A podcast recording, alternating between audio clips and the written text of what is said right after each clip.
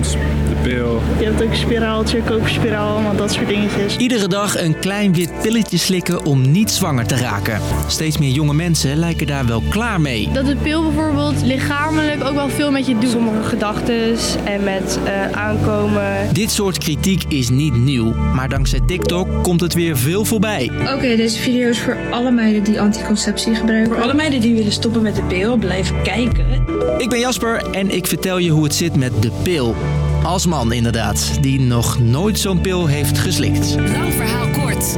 Een podcast. Oh, um, wacht even. Mannen, ook voor ons is deze podcast interessant. Wat weet jij over anticonceptie? Eigenlijk niet heel veel. Lang verhaal kort. Een podcast van NOS op 3 en 3FM. Tandenpoetsen, gezicht wassen, even die pilstrip zoeken. Even kijken, vandaag is donderdag. Oké, dit is dus niet mijn routine, maar wel die van heel veel mensen. Al tientallen jaren is de pil de meest gebruikte anticonceptie. Begon allemaal in de jaren 60. Toen kwam hij op de markt. En dat zette de boel flink op zijn kop. Voorzichtig zijn, dat is er uit de tijd. We hebben nou nog de pil. Simpel gezegd, de pil voorkomt zwangerschappen. Dankzij twee stofjes. Oestrogeen en progesteron. En die twee hormonen die, uh, zorgen er eigenlijk voor dat je geen ijsprong meer krijgt. Dat is de belangrijkste werking van de pil. En als je geen ijsprong krijgt, dan kun je ook niet zwanger worden. Je hoort Ariane Lim. Zij is gynaecoloog bij het Maastricht UMC. Al vrij snel lag er in heel veel badkamers zo'n strip. Lange tijd kon je de pil ook gratis ophalen bij de apotheek. Maar sinds 2011 betaal je hem vanaf je 21ste zelf. En ondanks veel protesten. Anticonceptie is geen luxe. Is dat niet meer veranderd. Zo populair als in het begin is dat kleine pilletje niet meer. In 2014 gebruikte bijna 40% van de mensen tussen de 16 en de 49 de pil.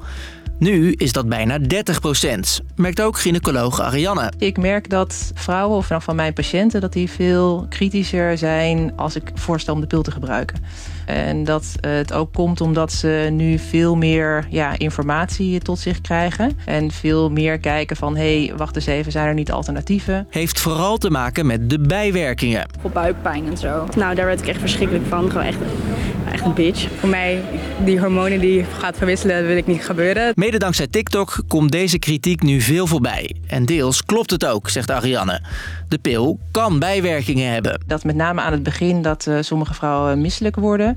En er vertellen ook veel vrouwen dat het effect kan hebben op hun stemming of op hun libido.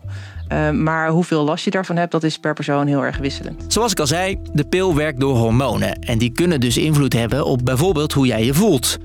Tegelijkertijd is het een supergoede anticonceptie. De kans dat je toch zwanger raakt is 0,3 procent. Dat is de belangrijkste werking van de pil. Na dit alles zeg jij misschien, ja, uh, sorry, maar die pil dat is voor mij gewoon geen optie.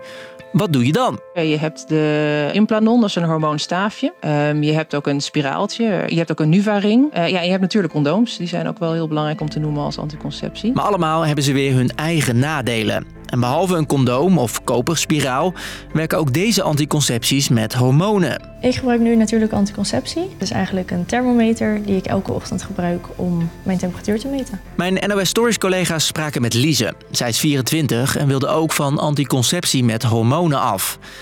En net als steeds meer jongeren zorgt zij er nu niet voor dat ze onvruchtbaar is, maar met een app en een thermometer checkt ze wanneer ze juist wel vruchtbaar is.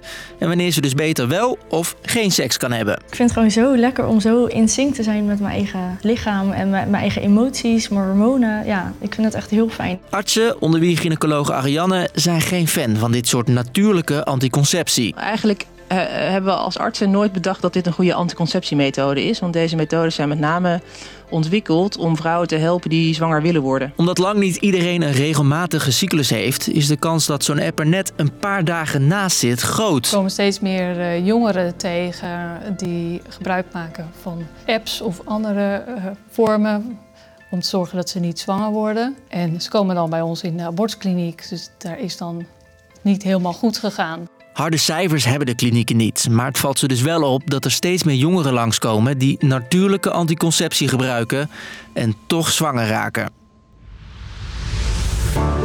Dus, lang verhaal kort. De pil is steeds minder populair en krijgen we steeds vaker kritiek. Dat is al jaren zo, maar komt door social nu nog meer naar voren. Jongeren hebben geen zin meer in de bijwerkingen van hormonen. En natuurlijke anticonceptie wordt steeds populairder. Maar de kans dat je dan toch zwanger wordt, is volgens artsen wel een stuk groter.